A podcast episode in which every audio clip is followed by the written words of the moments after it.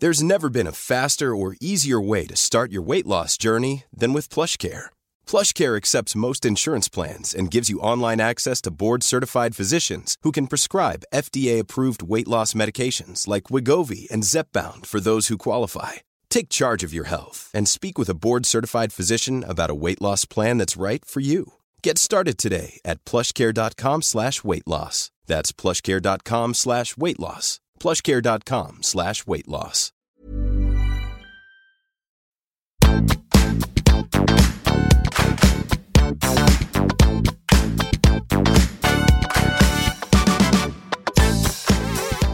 Hei, alle sammen, og velkommen tilbake til podkasten Karriereveiledning med Elaine. Vi har kommet til del to av det vi snakket om i forrige podkast, nemlig intervju. Og jeg har eh, både fått noen spørsmål og skal svare på noen spørsmål. Jeg har valgt å slå de sammen, så dette kommer til å bli en veldig spennende episode. Men før vi kaster oss rett ut i intervjuspørsmålene som kan dukke opp, så tenkte jeg skulle gi dere en sånn liten rosin i pølsa, som jeg kaller det. Dette er noe du kan ta med deg om det handler om karriere eller på andre arenaer i livet. Men i og med at den podkasten primært er knytta til det som handler om karriere og karriereveiledning, så kan du trekke ut den informasjonen du kjenner du blir inspirert av, og så kan du faktisk applisere den til det du står i akkurat nå. Nyere forskning på hjernen sier jo nå at det er noe som heter nevroplastisitet. Vil si at eh, de siste 40 åra har det vært relativt mye forskning på hjernen. Og bl.a. nå så er både intelligens, talent og egenskaper det er noe som i langt større grad kan utvikles og endres over tid enn det man tidligere da har trodd. Det her kan jo ha kjempebetydning for deg som eh, enten har fått høre at du ikke er bra nok, eller er dum, eller ikke strekker til, eller det er vanskelig for å lære deg noe nytt. Så her er det virkelig noe å hente. Samtidig kan det også være noe å hente for deg som eh, tenker at du kan utvikle deg, utvikle talentet ditt, utvikle det du har å bidra med. For det er noen nyttige, i hvert fall refleksjoner kanskje å ta med seg. En av mine helter er dr. Carol Dweck, og hun forsker da ved Stanford University. Hun har i mange år forsket på dette med motivasjon og mestringsmotivasjon, og har da utviklet begrepene låst eller utviklende tankesett. Kanskje du kjenner deg igjen nå når jeg skal dele de to ulike mindsettene eller tankesettene. Samtidig så er det viktig å si at jeg er veldig lite glad i å være kategorisk. Vi mennesker vi er ikke enten-eller. Så det er ikke sånn at du har enten et låst eller et utviklende tankesett. Vi kan ha litt av begge deler. Um, og derfor er det viktig for meg rett og slett å påpeke det, for vi har så lett for å si at hun er sånn, eller han er sånn, eller jeg tok den testen, og da blei jeg det. Poenget er at dette her handler veldig ofte om hvordan vi opptrer eller hva vi tenker om oss selv. Kan variere i forhold til hvem relasjoner vi er i, og hva slags kontekst vi er i. Så bare husk det. Men det jeg ønsker i hvert fall å dele, at har du et låst tankesett, i stor grad da, så kan det bl.a. innebære tenkning som gjør at de tankene du har om deg selv, kan du relatere til eller kjenne er medfødt. Og det kan jo påvirke hva du tenker at du kan velge av utdanning, eller hva du tenker at du skal bli. Det kan jo være at i min familie så har alle gjort det sånn, eller i min familie så er det ingen som har høyere utdanning, eller du er født inn i et sted hvor du tenker at fordi jeg er født der, så har jeg ikke de mulighetene. Og selvfølgelig sosiokulturell og sosioøkonomisk status. Og det påvirker da også selvfølgelig den kulturelle kapitalen du tenker at du har med deg. Um, ofte så hører vi jo f.eks. noen si 'Å, du er smart', eller 'Du, du har et kjempetalent', eller man ofte tenker at 'oi, dette må jo være et land som er medfødt'. Sannheten er at noen av de beste menneskene jeg har møtt som er de dyktigste i fagene sine, eller det de holder på med, eller idrett, jobba en del med toppidrettsutøvere bl.a., det ligger jo vanvittig mye hard trening bak, og en tro på at ofte så kan det være lurt å jobbe hardt, da. Og selvfølgelig jobbe smart hvis det er noe du ønsker å oppnå. På den andre siden av dette her, da, så finner du et utviklende tankesett. Um, og der handler det om at han tenker at egenskaper, kvaliteter og evner kan endres og utvikles. Og hvor vi ble født hen, eller hva vi blei født inn i, spiller ikke så stor rolle, for det er nå oss selv som kan bestemme hvordan vi skal forholde oss til det vi skal gjøre videre. Og hør nå, Det betyr ikke at jeg sier at bakgrunn, arv, miljø, altså alt dette ikke spiller en rolle, men i større grad, og som forskning også peker på, så handler det om hvordan vi velger å forholde oss til det. Og har du i større grad et utviklende tankesett, så er det forska på at det er en mye større vilje der til å både våge å ta nye utfordringer, tørre å ta sjanser, utvise mot, fordi her tenker man nemlig at hvis jeg gjør en ordentlig innsats og gjør mitt beste, så vil det bære frukter. I tillegg så de som har dette tankesettet her, fremstår også som mer resiliente når det gjelder å takle motgang, eller når det gjelder å feile, fordi at her i det å feile så ligger det masse læring. Det igjen gjør at man blir enda mer fokusert på hvordan man kan lære å utvikle seg, istedenfor å henge seg opp i hva man presterte akkurat der og da. Så mindsetet, mindsetet vårt påvirker oss selvfølgelig både i forhold til hva vi tenker vi er i stand til å få til, og også når vi tenker hva alle andre tenker om oss. Så noe av det jeg ønsker å trekke ut her, handler jo om troa på da, at evner og talent og egenskaper er noe du faktisk kan kna litt og jobbe med. Det handler jo om å sette seg ned selvfølgelig og gjøre en sånn inventory og jobbe litt med seg sjøl. Men dette kan ha faktisk stor betydning for hvordan du takler situasjoner eller prestasjoner du står overfor. Og jeg skal bare trekke ut bitte litt av noen av de kjennetegnene på et låst mindset. Det handler bl.a. om at jeg liker ikke å bli utfordra. Potensialet mitt er forutbestemt. Når jeg blir frustrert, sier jeg opp. Jeg ser på feedback eller tilbakemeldinger som kritikk, og det tar jeg personlig. Jeg holder meg til det jeg veit, og her er det faktisk en del andre ting. Og det betyr ikke at ikke det er hva skal jeg si for noe? Det er ikke noe galt i å tenke der, så det er ikke noe rett eller galt. Det bare handler om og kjenne igjen hvor du står, og kanskje om du har lyst til å gjøre en, en forflytning eller bevege deg i en eller annen retning. Derimot har du et utviklende tankesett, så tenker du at de gangene du ikke får det til, så er det en mulighet til å lære. Utfordringer hjelper deg faktisk til å vokse, og du kan lære deg hva du vil. Eh, feedback det ser du på som konstruktivt, du liker å prøve nye ting, og du blir rett og slett inspirert når andre lykkes. Og noe av det viktigste her er at innsatsen min og holdningen min er det som avgjør evnene mine.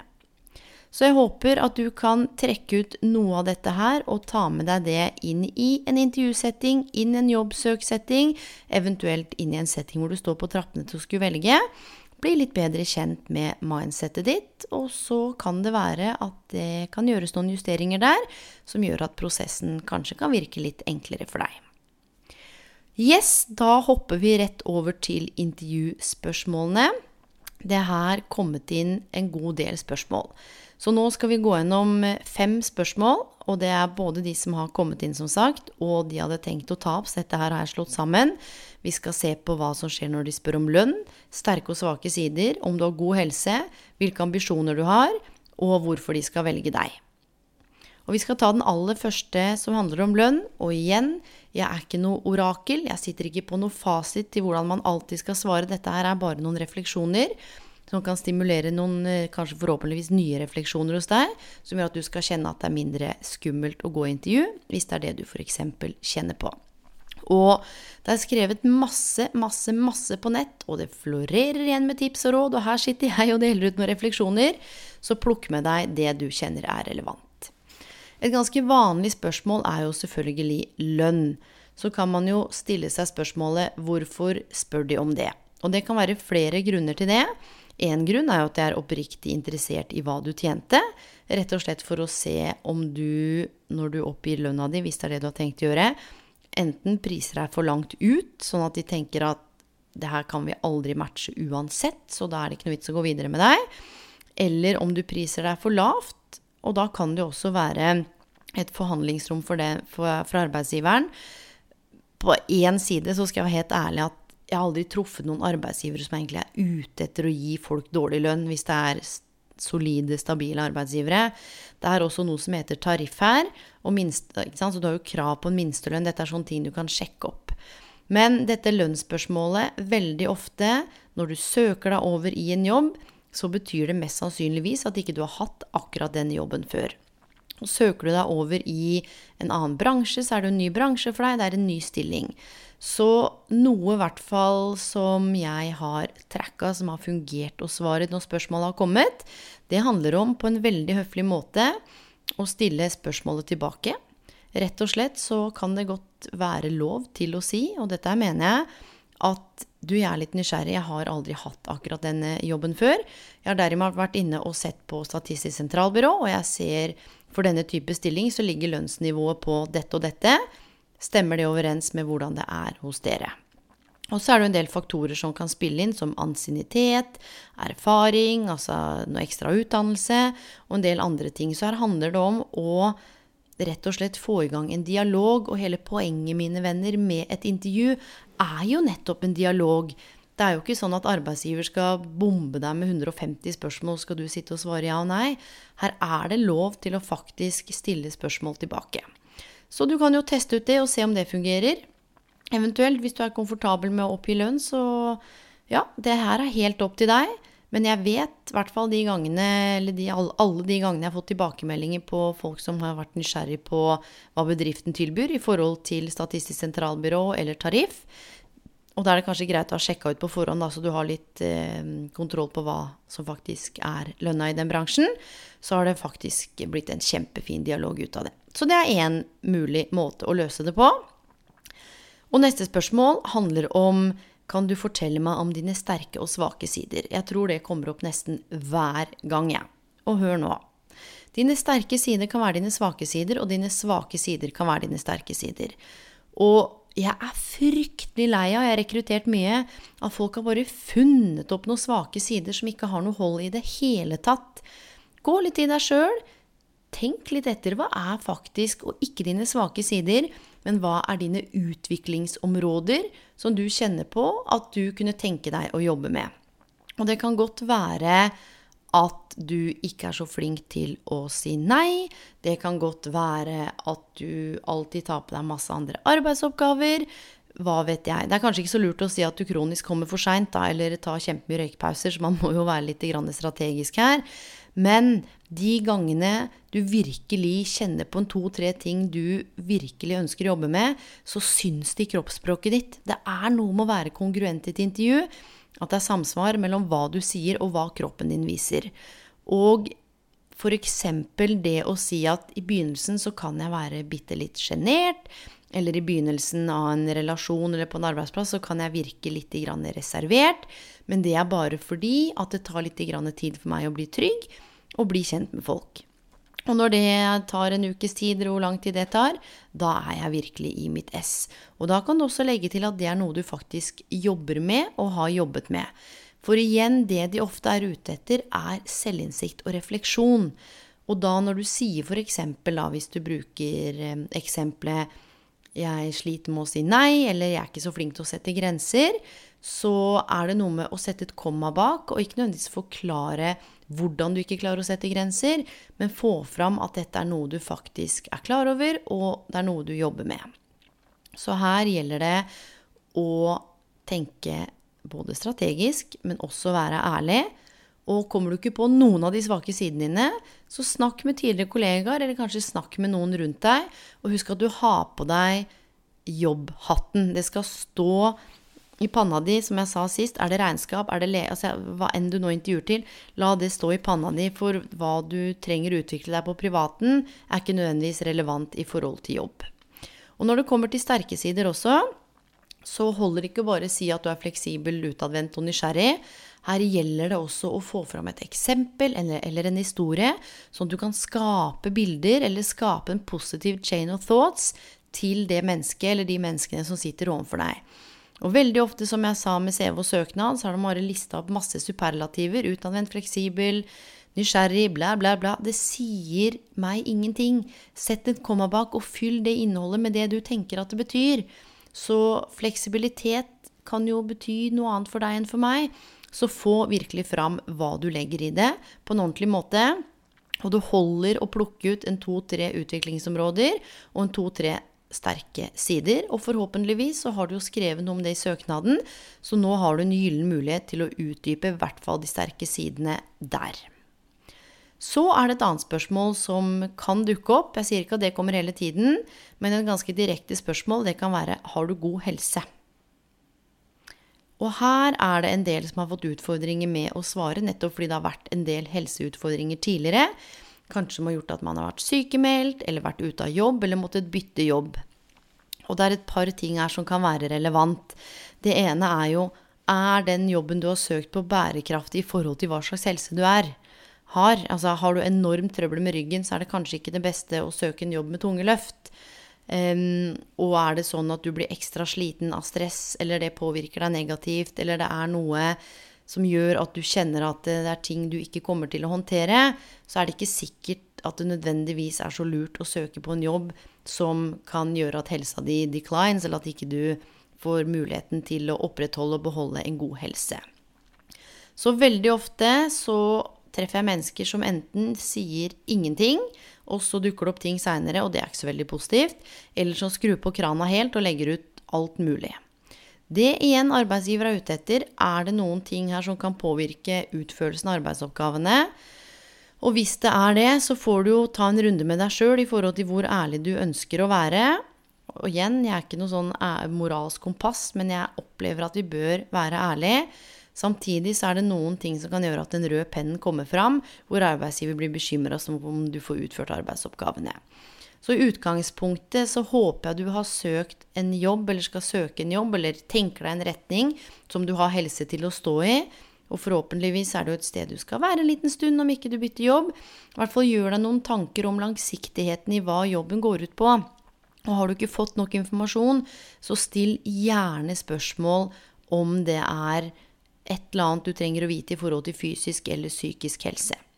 Og jeg hadde en kar en gang, jeg har fått lov til å dele historien. Han hadde faktisk eh, vært ganske så tungt deprimert og langt nede i to år. To år med hull i CV-en. Han hadde en drøm som ikke blei noe av, for han endte opp med å ta vare på et sykt familiemedlem. Og det sto det også noe om i CV-en, ikke veldig utfyllende, men nok til å hvert fall få dekket det hullet. Og så fikk han spørsmål om han hadde god helse, eh, eller hvordan det var akkurat nå. Og da sa han det at eh, som du ser av CV-en min, og som jeg skrev, så hadde jeg en tøff periode. Jeg starta på et studie, jeg hadde en deltidsjobb jeg trivdes med. Så valgte jeg å forlate begge de to tingene for å ta vare på et nært familiemedlem som var veldig syk. Og det prega meg i mye større grad enn det jeg hadde trodd. Jeg har fått noen å snakke med, og jeg har virkelig kommet meg på beina igjen. Og har aldri kjent meg så motivert som jeg er nå. Arbeidsgiveren satte så vanvittig pris på den sårbarheten og ærligheten at han fikk jobben. Og det var selvfølgelig andre grunner til at han fikk jobben, men det var en sjelden vare. At noen var såpass ærlig. Men igjen, her må du kjenne etter hva du er komfortabel med, og hva slags helseaspekter det gjelder, og hva slags jobb det gjelder. Et annet spørsmål du kan få, er hvor ser du deg selv om to til tre til fem år? Hvilke ambisjoner har du? Og mange ganger så er de ute etter å vite om du har hatt noen langsiktig tanker eller planer om er dette bare en pitstop på veien, er dette et springbrett, kommer du til å kjede deg, er det sånn at de kommer til å miste deg et halvt år, eller har du faktisk gjort deg noen refleksjoner om dette er et sted hvor du kan vokse? Ehm, F.eks. å bli nøkkelperson på sikt, eller en lederposisjon på sikt, eller utvide stillingsinstruksen din på sikt. Så det er klart, du, er det bare en sånn hit and run hvor du har tenkt til å jobbe et halvt år og stikke av gårde, så får du kjenne på hva du ønsker å si. Men dette spørsmålet her handler litt om å få vite hvilke tanker du har gjort deg om fremtiden. Og da går det an å se på bl.a. om selskapet er i vekst, fins det andre avdelinger i selskapet? Er det andre steder du kunne tenke deg å jobbe? For da kan du også flette inn det at du virkelig har gjort deg kjent med bedriften. Ok? Så er det et spørsmål som også pleier å komme, og her friker mange ut, og det er hvorfor skal vi velge deg? Og vet du hva, det spørsmålet er egentlig veldig enkelt, samtidig som det er litt komplekst, fordi hvorfor de skal velge deg, er jo egentlig en oppsummering av intervjuet ditt. Så enkelt kan det sies, og så handler det her i hvert fall om å få fram motivasjonen din på nytt, hva du kan bidra med, eventuelt relevant erfaring, utdanning og sterke sider, det er det de ønsker å høre. Så her handler det ikke om å snakke om at du er den aller beste kandidaten. For veldig ofte så jeg sittet i intervjuer, folk begynner å snakke om alle de andre. Så tenker jeg at vi har jo ingen forutsetninger for å vite hva alle de andre driver med, eller hva alle de andre har papirer på, eller hva alle de andre ønsker å bidra med. Så her kan du bare forholde deg til deg selv. Men her er det også noe med å trene på å levere dette her med overbevisning, rett og slett fordi du tror på det sjøl. Det er noe som heter at 'you cannot inspire others until you're inspired yourself'. Så her handler det om å virkelig tro på at de skal velge deg, at du er et kandidat, og få fram det med hele kroppen din. Jeg kjenner Når jeg sitter og snakker om det her nå, så klarer ikke jeg å sitte rolig. Jeg sitter og gestikulerer og lener meg framover, og det skjer noe med energien i stemmen. Og det skjer noe med energien i kroppen når vi formidler noe vi virkelig tror på. Så det var de fem spørsmålene. Og så ønsker jeg å dele en liten sånn rosin i pølsa til på slutten. Veldig ofte så stiller arbeidsgiver spørsmål, og da sier de helt på slutten Har du noen spørsmål til meg eller til oss? Veldig ofte da så kommer det et spørsmål som de fleste jeg har jobbet med, har stilt, i en eller annen form og farge, og det er Er det godt arbeidsmiljø her? Og nå tok jeg en ekstra lang pause, fordi jeg pleier å være litt kleint med sånn pinlig stillhet, men jeg liker det. Det handler litt om å, at du skulle få tenke bitte litt. Se for deg selv nå. Du sitter og rekrutterer. Kanskje det har vært nedbemanning en periode, kanskje det har vært omstilling, kanskje det har vært litt kaos i avdelingen, det er mange som har sagt opp. Eller det kan være mange andre grunner. 9,9 av 10 ganger så vil en arbeidsgiver selvfølgelig si ja, vet du hva, her er det godt arbeidsmiljø. Jeg har aldri, bortsett fra én gang i hele mitt liv, truffet på en arbeidsgiver som har sagt Godt spørsmål. Her er det ikke så bra. Her sliter vi med konflikter, og vi sliter med dårlig ledelse, og det er ikke måte på. Går det nedenom og hjem. Så finn ett, to spørsmål som virkelig både kan få fram at du har tenkt på bedriften, og faktisk er oppriktig nysgjerrig. Og det kan jo være skal vi se, jeg skal gi dere ett spørsmål som jeg i hvert fall syns er veldig bra. Og det handler om å si ja, du, jeg lurer på en liten ting eh, i forhold til den bedriften her. Hvor er det dere ser at dere er om en tre til fem års tid? Og da, om du stiller det spørsmålet, så kan du være forberedt på at de ønsker en digital opprustning, eller at de ønsker et eller annet annet. Og da handler det om å virkelig lytte til det de svarer.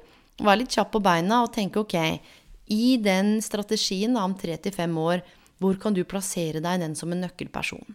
Har du noen spesielle ferdigheter, evner, kompetanser eller sterke sider som gjør at du umiddelbart kan si 'Å ja, dere har tenkt å ruste den digitale strategien deres'. Du, jeg har jobba en del med sosiale medier på fritiden, så der er jeg faktisk ganske solid. Fortell litt mer. Og da får du også igjen den gode samtalen. For tenk deg nå, min venn, hvis du er på en date og daten din bare prater og prater og prater og prater og aldri stiller deg et eneste spørsmål Når du går fra den daten, så kommer du til å tenke ja, det var kanskje ikke det mest givende jeg har vært på. Mens den personen på andre siden av bordet som har fått lov til å hvelve ut alt om seg sjøl, kommer til å tenke fy fader, for en date! Vi var helt på nett, vi! Så her handler det om å finne en balanse gjennom å svare godt på det de spør om, lytte godt, og da er det noe som heter empatisk lytting.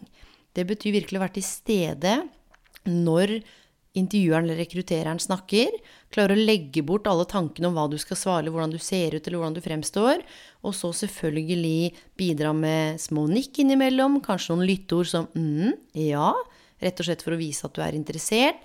Og da passe på kanskje om du ikke lener deg litt fram i kroppsspråket, men i hvert fall convey eller få fram en form for interesse. Så igjen, mine venner, må jeg bare si tusen takk for at dere har gått inn og rata podkasten. Du, jeg fikk helt sjokk, jeg. Det er jo bare positive ratings. Hold på dette stolen. Det motiverer meg og inspirerer meg til å fortsette å lage dette her for deg. Dette er ikke noe jeg blir steinrik av. Dette er noe jeg bruker tid på fordi jeg opplever at det er sinnssykt viktig. Gjerne legge inn en kommentar også. Fortsatt å sende inn spørsmål til Elaine underscore Bloom på Instagram eller på Karrierekanalen på Facebook. Og så skal jeg si dere hva som kommer til å skje i neste episode. Da skal vi faktisk snakke om mentaltrening.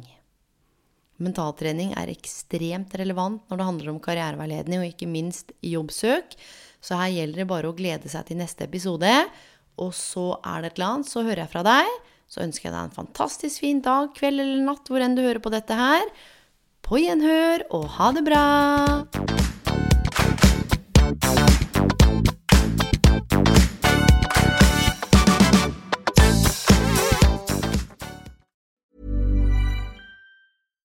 My business used to be weighed down by the complexities of in person payments. Then, Tap to Pay on iPhone and Stripe came along and changed everything. With Tap to Pay on iPhone and Stripe, I streamlined my payment process effortlessly. Now I can accept in person, contactless payments right from my iPhone. No extra hardware required. What's truly remarkable is how I can cater to all of my customers' payment preferences. Whether they're using cards, Apple Pay, or other digital wallets, Tap to Pay on iPhone and Stripe ensure a smooth checkout experience every time. And it's not just me. Stripe helps businesses of all sizes, from local markets to global retailers, scale quickly and stay agile. To learn how Tap to Pay on iPhone and Stripe can help grow your revenue and reach, visit stripe.com slash tap iPhone. Hold up. What was that? Boring. No flavor. That was as bad as those leftovers you ate all week. Kiki Palmer here, and it's time to say hello to something fresh and guilt-free. Hello Fresh. Jazz up dinner with pecan-crusted chicken or garlic butter shrimp scampi. Now that's music to my mouth. Hello Fresh. Let's get this dinner party started. Discover all the delicious possibilities at hellofresh.com.